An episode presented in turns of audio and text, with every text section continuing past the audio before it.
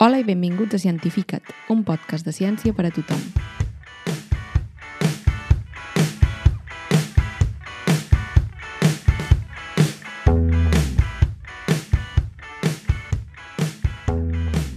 Benvinguts de nou a Cientificat.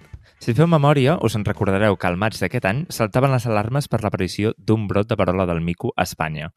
L'augment de la transmissió de la malaltia va fer que l'OMS declarés la verola del mico com a emergència sanitària internacional. Des d'aleshores, però, hi ha hagut poc ressò sobre com ha evolucionat la malaltia mundialment i com s'ha arribat a disminuir significativament els casos.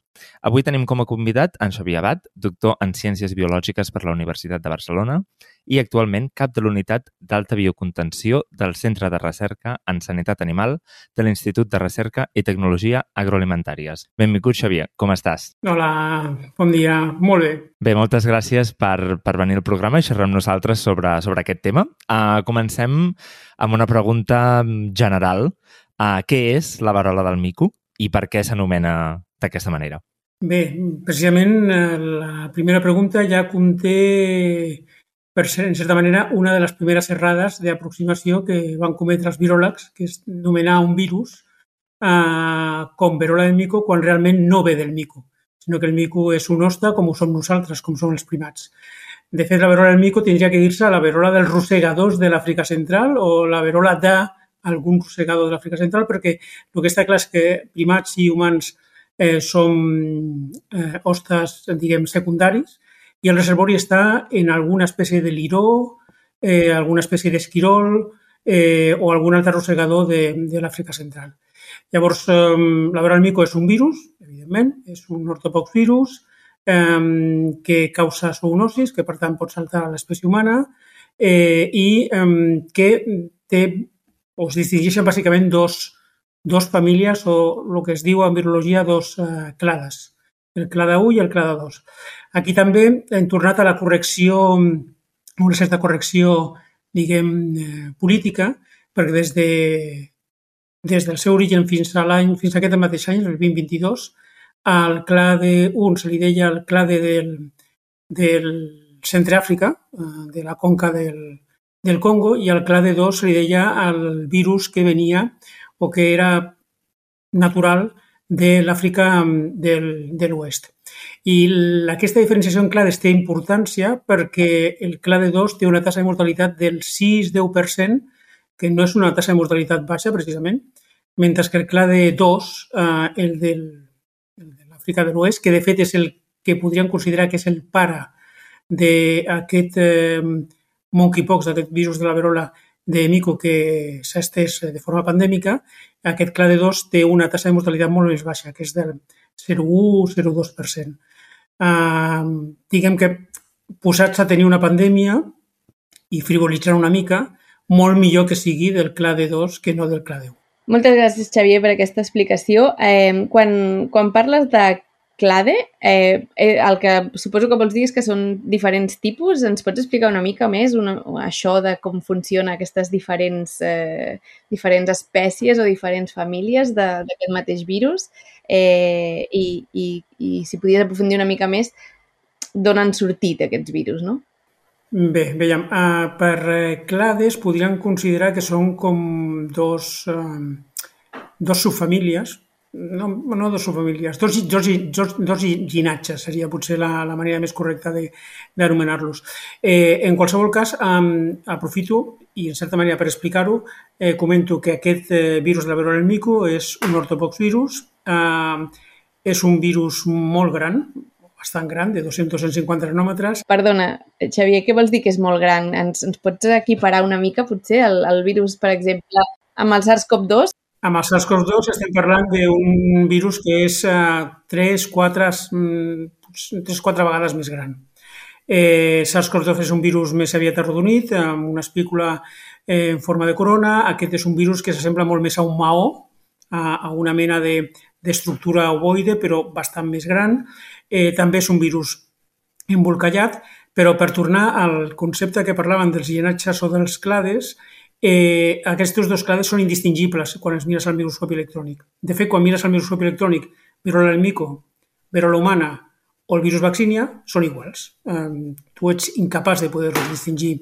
O sigui que realment és molt semblant al virus de la varola humana. Sí, bueno, a nivell, Així vist, diguem, vista estructural... a, a nivell de microscopi, no? Sí. A nivell estructural visible, sí, no, no, no es poden distingir. Eh, bueno, doncs com a viròloga a mi això de que sigui un virus tan complex evidentment eh, m'encanta, trobo que és, fa molt, molt interessant, eh, però voldríem tractar una mica també sobre la situació com està no? i per què van saltar totes aquestes alarmes. Sembla que la situació ara mateix està més calmada. Eh, quina és la teva visió i, i com, com ha sigut, no? com ha sigut aquesta evolució i, i com hem arribat fins aquí? Bueno, mmm, podríem dir que Potser parlarem dels inicis en un altre moment, però en el 2022 eh, hi havia una situació en la que hi havia casos molt puntuals. De fet, alguns casos, els darrers casos de verola de mico eren casos eh, o en, en zones endèmiques que no generaven massa alarma, encara que potser tocaria que generés, i quatre casos o sis casos importants que va haver-hi de verola mico a Gran Bretanya, Singapur, Estats Units i no recordo el darrer país, el 2018, que tots es van poder traçar a una epidèmia o un brot que havia hagut a Nigèria. A Nigèria. Eh, quan va començar la brama o, diguem, el creixement en aquesta epidèmia del 2022, eh, es va inicialment pensar que era un cas important perquè la primera alarma va saltar a Gran Bretanya, eh, un cas important d'una persona que havia viatjat, però quan van començar a veure que hi havia altres casos que no es podien lligar epidemiològicament amb, el, amb aquests casos de viatges, va començar a assumir-se que teníem una, una circulació mm, diguem, autòctona, això com a mínim a Gran Bretanya. Va sortir l'espot eh, o el brot d'Espanya, de, el de Portugal. De fet, eh, Estats Units, eh, Brasil i Espanya són els tres països més afectats a nivell del món eh, en nombre de casos.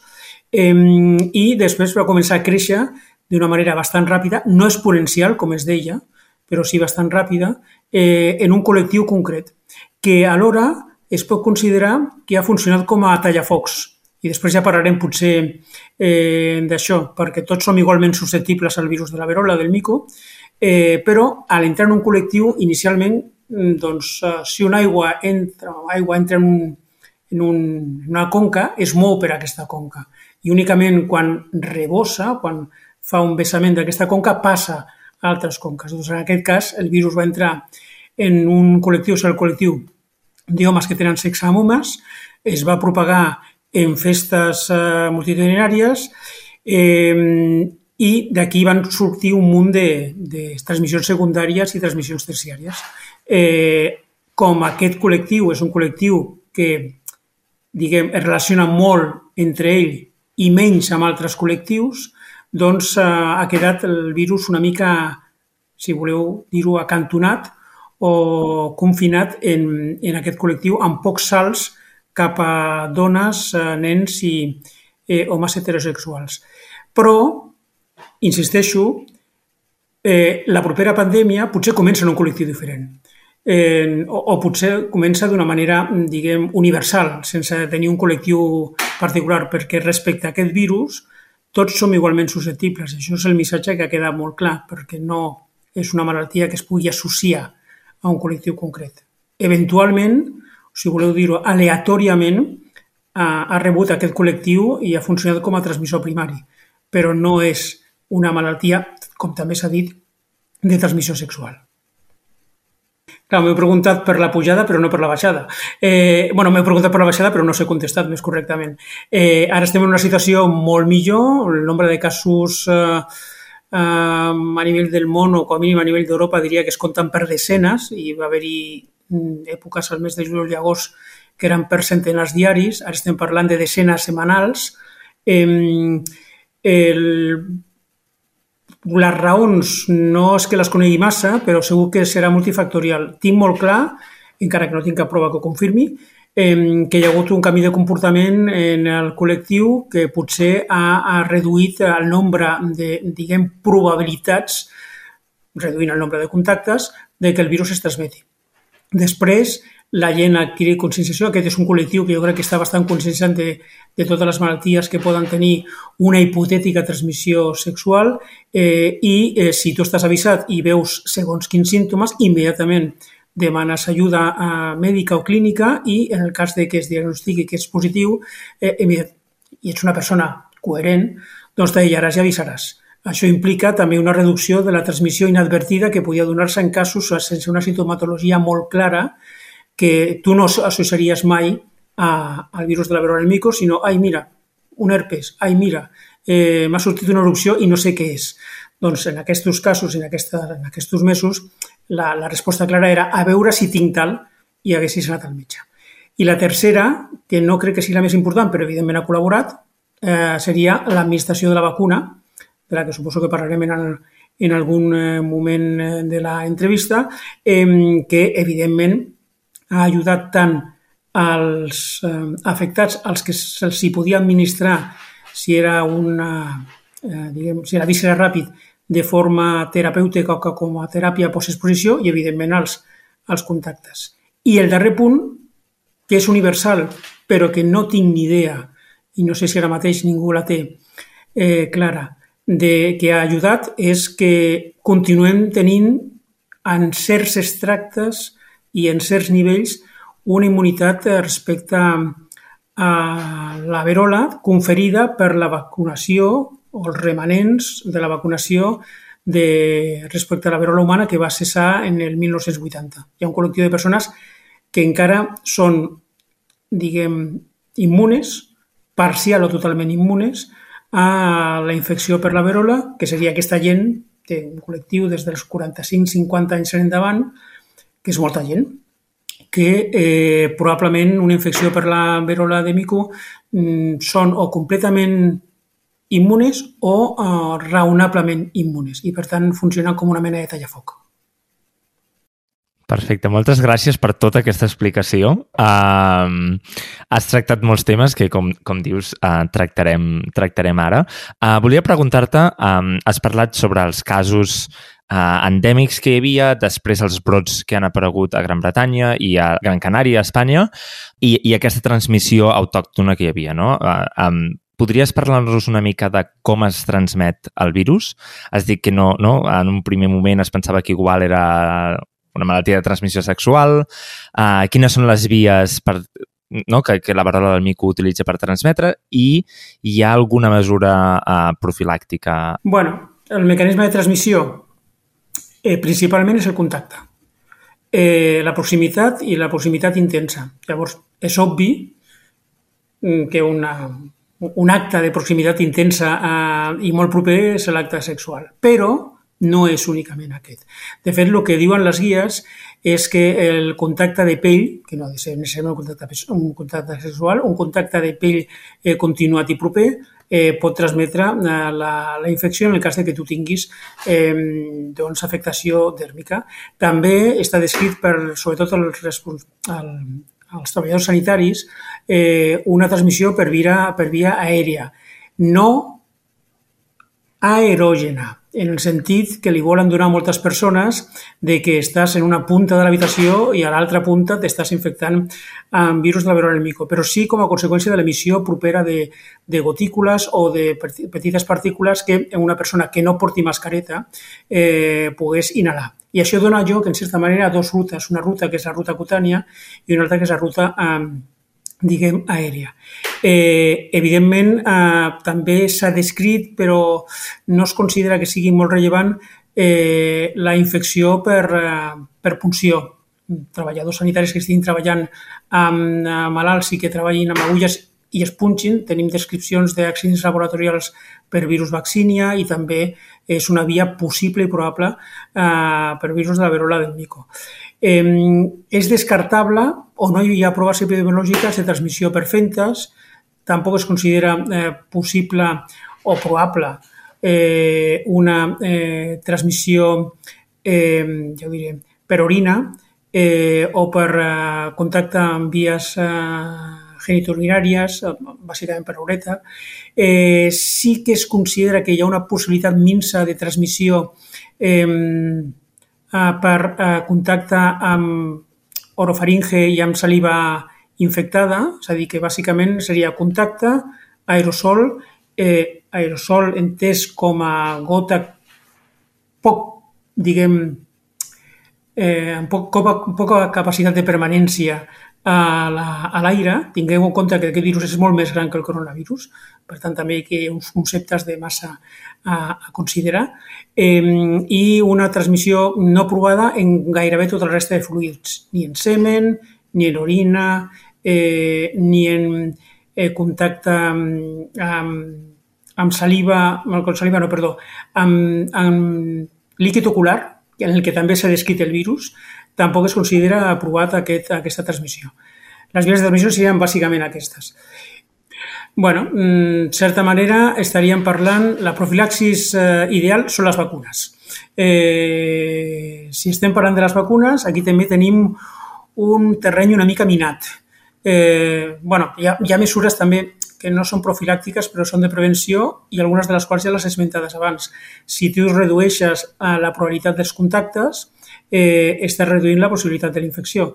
No és una mesura profilàctica, diguem, de tipus farmacèutic, sinó una mesura profilàctica de tipus conductual o de tipus social. Llavors hi ha aquestes mesures, hi ha també la distància, ha aquestes coses en el cas de que estem parlant d'una malaltia de contacte, però si parlem de, de, de mesures profilàctiques clàssiques, eh, tindríem les vacunes. I en el cas de les vacunes tenim també un petit eh, problema i és que de vacuna realment dissenyada eh, front el virus de la verola del mico eh, hi ha la vacuna eh, MVA, de que és el virus vaccinia encara modificat, eh, de la companyia, em sembla recordar que és Bavarian Nordic, eh, que és un vaccí de tercera generació, que vol dir, que això sembla ara molt, molt complicat, és eh, un, vaccí, un vaccí atenuat eh, no replicatiu. Què vol dir això? És un vaccí eh, que s'ha atenuat per passes molt continuats en eh, una línia celular no humana, de manera que cada cop ha anat perdent més factors de virulència i la capacitat de poder eh, infectar els éssers humans, eh, i és no replicatiu perquè no té la capacitat de replicar en, en humans. Això és important perquè la generació anterior, els vaccins de la segona generació, eh, eren vaccins que sí podien replicar en les persones i generaven la resposta immune precisament com a conseqüència d'aquesta eh, replicació en el cos humà. Però eren absolutament, no se les considera indicades per administrar a immunodeprimits o persones que no siguin immunocompetents, a dones gestants, a gent que té problemes cardíacs, a gent que té problemes dèrmics, de manera que al final havien fet un càlcul als Estats Units i deien que aquest vaccí de segona generació, que em sembla que es diu ACAM 2000, que és eh, de Biological Responses o Biological Industries, eh, eh, no es podia administrar al 20-25% de la població. Clar, això és una quantitat de gent molt considerable. Aquest va ser de tercera generació, eh, que té diferents usos comercials, eh, és el vaccí que és, ja està aprovat als Estats Units per ser us, usat o emprat en infectats amb verola del mico i que es va aprovar aquí a, a la Unió Europea, crec que aquest mes de juliol, després de la declaració de la, de la pandèmia per l'OMS com a ús eh, per, eh, diguem, persones eh, infectades, persones de més de 18 anys infectades pel virus de la verola del mico. I aquí és on entrem en la segona part, que aquesta mm, és eh, una frase que jo sempre dic a la meva gent, que és no és el mateix tenir vaccina, o tenir un vaccí, o tenir una vacuna, que tinguis la possibilitat d'administrar-la. Per què ho dic això? Perquè eh, en el cas de la vacuna mm, de Imavex o Gineos, que són els noms comercials d'aquesta vacuna de Bavarian Nordic, hi ha 15 milions de dosis al món. I ja està. Ara mateix no hi ha més. Si la infecció eh, hagués progressat molt més, eh, no haguessin tingut potser prou capacitat de producció perquè la fàbrica que fabrica aquesta vacuna està tancada. Eh, estaven en, operacions de manteniment. Va tancar abans de l'inici de la pandèmia, quan ningú sabia que això sortiria, i estaria tanc... les informacions deien que estava tancada fins al mes de setembre a octubre. És a dir, que suposo que ja hauran obert. Eh, I la major part de les dosis, a més a més, estaven en una cosa que alguns de vosaltres coneixeu, que es diu bulk. Estaven en, a granel, no estaven encara eh, dispensades en dosis individuals. Per això, quan al mes de juliol i agost es va parlar de que hi hauria administració de eh, vacuna, potser alguns sentiu a les, a les ràdios i a les televisions de que arribava la vacuna o el vaccí amb contagotes. perquè, de fet, les dosis a administrar eren molt, eren molt escasses i el bulk és un bulk que, a més a més, està en principi comprat per Estats Units perquè són ells que han financiat la, la recerca. Llavors no hi havia gaire vaccí disponible. Aquest vaccí, que és el que s'administra, és un vaccí, eh, com hem dit, de tercera generació, es pot administrar a tothom, de fet es pot administrar a gent immunodeprimida. Eh, i de fet una de les estratègies o l'estratègia principal ha estat anar al col·lectiu de gent que està prenent eh, tractaments eh, preexposició o per evitar infectar-se del VIH eh, i de fet, en certa manera, és una estratègia portada per lo que es diu la necessitat. Si no tens massa vaccí, és evident que no pots fer una vacunació en anella, és evident que no, no pots fer una vacunació general, llavors et dediques i et concentres en el col·lectiu on la possibilitat de transmissió és més, és més elevada, que seria aquest. Eh, per no allargar-me, mm, però sí, no hi ha més remei per dir-ho així, hi ha una cosa més. Com el vaccí era tan escàs, ni tan sols s'està administrant tal com diu l'assaig clínic. I això és una doble pirueta en el buit, perquè l'assaig clínic diu dues dosis separades 28 dies. I estem administrant una única dosis d'una cinquena part de lo que realment correspondria perquè hem canviat també la via d'administració i l'hem passat de subcutània a intradèrmica. És a dir, ho hem canviat tot. L'assaig clínic que hem fet no ha servit per res. Eh, bueno, sí que ha servit perquè dona una confiança de que la, de que la vacuna és segura eh, respecte al nombre de, de persones a les que vas administrar en el seu moment, que tampoc és massa elevat. Però no estem complint la dosis, no estem complint el termini o el període de dosis i no estem complint tampoc la via. Tanmateix, eh, amb la poca vacuna disponible, possiblement era l'única alternativa. I aquesta és la vacuna que tenim, no tenim cap altra. Mm, la sort, jo crec, és que aquesta minoració dels casos té més a veure amb un canvi de comportament i a un millor diagnòstic i vigilància que no amb, amb el vaccí. També hi ha una, eh, una teoria de Marion Koopmans, que una, bueno, una viròloga molt de nom eh, en el camp de les malalties eh, víriques emergents, eh, que podria ser certa, i jo crec m'inclino a pensar que ho és, i és que és un virus que ha calcinat el terreny per on ha passat. I, i, i ell mateix s'ha tallat el terreny de joc, vull dir, ha fet una flamarada intensa inicial afectant el col·lectiu eh, de gent més susceptible, i quan aquest col·lectiu gairebé ha desaparegut perquè ja ha infectat a tothom que era infectable, al següent col·lectiu ja li quedava massa lluny que podia ser perfectament homosexuals que tenen una vida en parella, però en parella estable eh, i, i que no, no tenen una activitat sexual molt intensa. Si la idea era continuar, aquest col·lectiu inicial se li va esgotar i possiblement, com la R sub 0 d'aquest virus és bastant baixa, doncs no, no, no li ha quedat més terreny. Eh, aquest seria el resum, i al final m'he per les branques, com sempre, eh, de, de la profilaxis del, del, del virus. Doncs així per recapitular una mica, per, per veure que quedi una mica clar, eh, hi ha una vacuna que està disponible, però no n'hi ha massa, no? Aleshores, si s'ha donat en unes dosis més baixes, eh, que el que s'havia estudiat. No? És a dir, que, que continua sent segura i és, és simplement que s'ha re intentat repartir una mica perquè més val estar una mica menys protegits que no estar-ho del tot. No? I parlant així de vacunes, eh, hi ha un concepte que, que en moltes infeccions eh, n'hem parlat, també del, amb, amb la Covid, eh, que es diu la immunitat creuada. És a dir, que quan hem tingut un virus que ha sigut molt semblant, eh, tenim certa protecció contra, contra aquest altre virus que, uh -huh. que ha aparegut o que ens pot infectar. No? Um, uh, nosaltres, eh, els humans, teníem la varola humana, no?, que va ser erradicada cap als anys 80 gràcies a les vacunes. Mm. Uh, si, si nosaltres com a individus estem vacunats contra la varola, aquesta immunitat que es va crear amb la vacuna quan ens van vacunar, eh, ens serveix ara? Ens protegeix en algun, en, algun en, en part contra la varona del mico? Ens protegeix del tot? Ens protegeix de contraure el virus? Eh, ens protegeix de tenir símptomes més greus? Eh, Eh, és a dir, ens dona aquesta immunitat que ens protegiria de, de, de les conseqüències així més, més greus, diguéssim, o, o, simple, o ja directament ens, dona aquesta immunitat esterilitzant que no ens, no ens deixaria que el virus progressés no? en, la, en, el nostre, en el nostre organisme?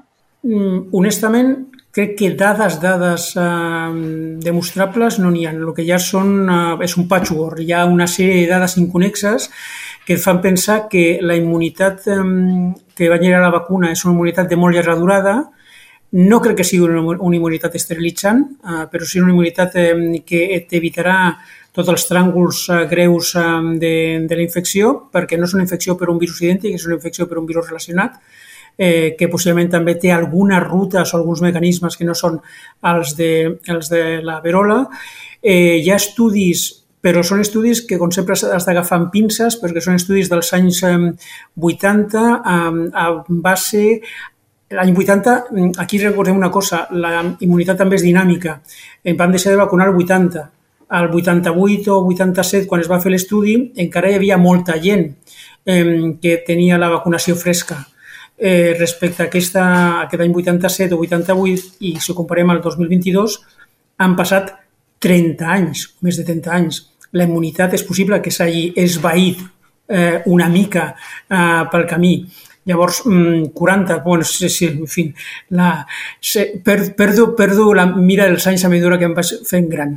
Uh, doncs, um, doncs, en principi, um, en aquell moment es deia que hi havia una protecció del 85%. És a dir, que la gent que, eh, que vivia en aquell país, que crec que era Zaire o República Democràtica del Congo, eh, hi havia una infecció per eh, verola de mico, tenia una protecció del 85% com a conseqüència d'haver estat immunitzats eh, pel virus de la verola. Eh, jo diria que la gent, que, que, entre, que entre el col·lectiu no vacunat i el col·lectiu vacunat amb virus de la verola, eh, aquest segon col·lectiu té molta més protecció i possiblement no patirà conseqüències greus de la infecció de la verola del mico que el col·lectiu que no estigui vacunat. Aleshores, que el col·lectiu que no està vacunat s'està enfrontant a un virus que correspon, que correspon al clade o al ginatge 2 amb una tassa de mortalitat molt baixa, eh, de manera que tampoc és, és, és freqüent que tinguin patologies greus. Sí que és relativament freqüent que tinguin patologies doloroses, Eh, I això està descrit a la bibliografia, que aquestes erupcions i sobretot el lloc on es donen aquestes erupcions eh, mm, bueno, generen dolor eh, i molts, molts, molts dels hospitalitzats ho són perquè han de calmar el dolor, però no són amenaçadores de la vida. Eh, llavors, eh, la protecció jo considero que existeix, però no crec que ningú pugui dir que sigui total, jo crec que no ho és, i tampoc podem abastar o tenir molt clar el percentatge de, de protecció que ens dona aquesta vaccinació de fa ja eh, bueno, que va acabar fa 40 anys. Has parlat sobretot de la comunitat que estava més afectada, no? de, de la barra de l'almico, a homes que tenia sexe amb homes. Molts de nosaltres vam veure no? els mitjans de comunicació i com es tractava aquest tema, com tractar aquest tema d'una manera que no estigmatitzem aquest col·lectiu, però en un futur, com has dit, poden ser altres col·lectius, no? altres malalties que sorgeixin, que afectin més específicament a uns col·lectius, com tractem aquestes malalties uh, d'una manera que no estigmatitza el col·lectiu, però que podem entendre no? que hi ha matisos, que, que, no? que uns col·lectius poden estar més afectats que altres, uh, però que no caiem no? en, a, en aquesta estigmatització que crec que, que molts de nosaltres vam veure durant, durant els primers mesos uh, i els primers casos. Bé, jo el que diria és que l'estigma està sempre en els ulls dels que miren. Uh, i, i, I aquest és el problema. Vull dir, mm, per molt que comuniquis per molt que comuniquis eh, la realitat, si el cervell o l'estructura mental del receptor considera que ha d'estigmatitzar, estigmatitzarà igual. Eh, jo el que us he comentat abans i en reafirmo és que som tots igualment susceptibles. Insisteixo, únicament apartaria com a... No, susceptibles no. Eh, tot, tot, tothom és igualment susceptible. L'única gent que a lo millor té una protecció o té unes, uns condicionants més favorables a no patir una infecció que tingui una clínica fins i tot evident, eh, podria ser, i no tots, el col·lectiu de gent que està eh, vaccinada amb el virus de la, de la verola. Però siguis home, dona o nen, de fet les inicials transmissions del virus de la verola del mico es van descriure en nens, que ja em diràs quina culpa tenen, eh, doncs eh, és un virus que és susceptible d'entrar en qualsevol eh, persona o qualsevol col·lectiu. Que aquest cas incidentalment entrés en un col·lectiu i que aquest col·lectiu, que té tendència, això sí, a relacionar-se internament generés una propagació inicial dintre del col·lectiu no fa aquest col·lectiu més culpable o menys, sinó incidentalment és el col·lectiu que ha patit aquesta entrada. però no, no, no vol dir que, que eh, eh, les dones o els nens que s'han infectat eh, d'aquest eh, virus de la verola eh, s'hagin infectat per culpa de el col·lectiu. No, senzillament aquest col·lectiu té sortides, es relaciona amb tothom, a banda d'internament, i el contacte íntim, segons eh, quines persones pot portar aquesta mena de, de, de spin-off si vols, eh, del, del virus en, en, en, altres, eh, en altres sectors, però no, no, no vol dir, insisteixo, que el col·lectiu aquest sigui responsable de res. Senzillament va tenir la mala sort de rebre el primer, la primera entrada i llavors, evidentment, insisteixo, com a l'aigua que va per un rierol, si hi ha espai, continua baixant pel rierol, no, no, no se'n busca altres, altres pendents o altres vessants. Pensant una mica um, en el futur, és, és com volem acabar, acabar l'episodi d'avui, pensant una mica en el, que, en el que ve. Hi ha algun grup d'investigació a Catalunya que estigui investigant la verola del mico?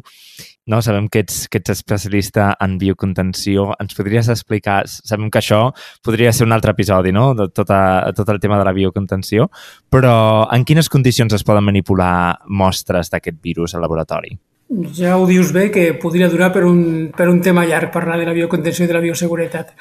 Eh, respecte al tema de, de grup d'investigador a Catalunya, eh, ara potser diré una cosa i demà o el dilluns eh, algú vindrà i, em, i em, em dirà que com és que no m'has dit que jo treballo amb virus de la verola del mico. Però que jo sàpiga, no crec que hi hagi cap grup eh, que treballi amb el virus viu. Treballar amb pacients, eh, treballar amb el virus inactivat, eh, treballar amb el material genètic, és probable que hi més d'un que ho estigui fent, eh, treballar en l'epidemiologia de la infecció, tinc molt clar que segur que hi ha alguna persona que o algú que està treballant, però treballar amb el virus vius no perquè per això necessites una instal·lació d'alta biocontenció. El que es, diu, el que es diu en anglès un, bes, un vessel tree, eh, o el que es diu en català un, nivell, un LDS3, nivell de bioseguretat 3. Eh, o sigui, a, nivell de, a nivell de biocontenció estaríem parlant que aquest virus es manipula com es manipula, per exemple, el virus del VIH, no? en un nivell de seguretat 3? Sí, sí. Eh, la diferència és que el VIH no se li considera, no, no se li veu un perill aerogen, en principi, eh, eh, i en canvi el virus de la mico sí que està descrit que té transmissió aerògena, com per exemple podíem parlar del SARS coronavirus 2. Llavors, eh, d'instal·lacions de biocontenció hi ha tantes com Carmel us pots trobar en una botiga, eh, encara que l'estàndard internacional, que tampoc existeix, eh, és un estàndard eh, que implica una sèrie de consideracions respecte a la gestió de l'aire que hi ha dit de l'instal·lació, però en qualsevol cas, la instal·lació de biocontenció és una instal·lació que està fora de l'abast de la major part de les universitats i dels hospitals. I així ja per acabar, eh, hi ha la sensació ara, no, de, de bueno, com que hem tingut, eh, eh, encara estem amb la pandèmia de, de la Covid, eh, hi ha hagut la vara del mico, no? hi ha la sensació com que cada vegada eh, tenim més brots de malalties que són endèmiques d'altres països. Hem de preveure un futur on això serà més i més comú? Eh, com, a, com a persona que treballa a l'IRTA, no? que treballeu amb, amb virus eh, de, de moltes, eh, de molts, bueno, que provenen sobretot d'animals no? I, que, i que són, eh, que diríem, doncs, virus emergents. Eh, quina visió tens sobre això? Bueno, la meva visió és la visió, jo crec, que de qualsevol que treballa en el camp del One Health. Jo no faig recerca, jo de fet gestiono la instal·lació, però evidentment he de, he de, he de tenir està una mica al, al detall del que està passant en el camp de la recerca i eh, la resposta és sí. Eh, això és una tendència eh, que en principi és molt robusta, eh, que difícilment es modificarà encara que fem mètodes o ens ponguéssim ara, poséssim ara a l'obra en intentar aturar escalfament i globalització. És una tendència que agafa i que en principi lo normal, encara que això no ens agradi, és que aquests episodis eh, vagin sovintejant. Eh, però, bueno, insisteixo, no, no a nivell de pandèmia, és que el problema és que potser, eh, clar, tenim a l'imaginari la pandèmia de la Covid-19 i direm, oh, ara cada dos o tres anys tindrem una cosa com aquestes. No, perquè el monkeypox, la verola del mico, també l'han declarat com a pandèmia. Eh, jo crec que s'havia de declarar, eh, però és evident que ja no és una pandèmia... Una diferència molt gran, sí, entre les dues. Molt gran. Llavors, que potser tindrem un, un, una passa de dengue i precisament a la, a la costa mediterrània fa un segle hi havia febre, groga, febre groga. Eh, per què no podem tornar-la a tenir si tornem a tenir unes condicions de vectors eh, artròpodes i de temperatura que ho permeten? Eh, malària, no parlo ara específicament de Catalunya, però tant el dengue com la febre groga, com el chikungunya, eh, totes aquestes malalties retrovirals estan guanyant eh, espai. Bé, per, per acabar, um, crec que, que tot aquest episodi no, uh, ens demostra que, que hem d'invertir no? més, més en, en ciència, en recerca i també en aquest concepte que es, que es ha mencionat del One Health, no? que seria aquesta una salut no? en català, uh, com una, una sola salut, uh, que serien aquests, no? aquesta col·laboració entre diferents disciplines no? a nivell local, a nivell nacional, a nivell mundial, per realment tenir uh, aquesta salut òptima de tant persones, animal, medi ambient, que ens pot ajudar no? a, a contenir aquestes noves uh, epidèmies o pandèmies, com hem vist amb, amb la Covid i ara amb la varola del mico. Moltíssimes gràcies i fins aquí aquest programa d'avui. Gràcies. Gràcies a vosaltres.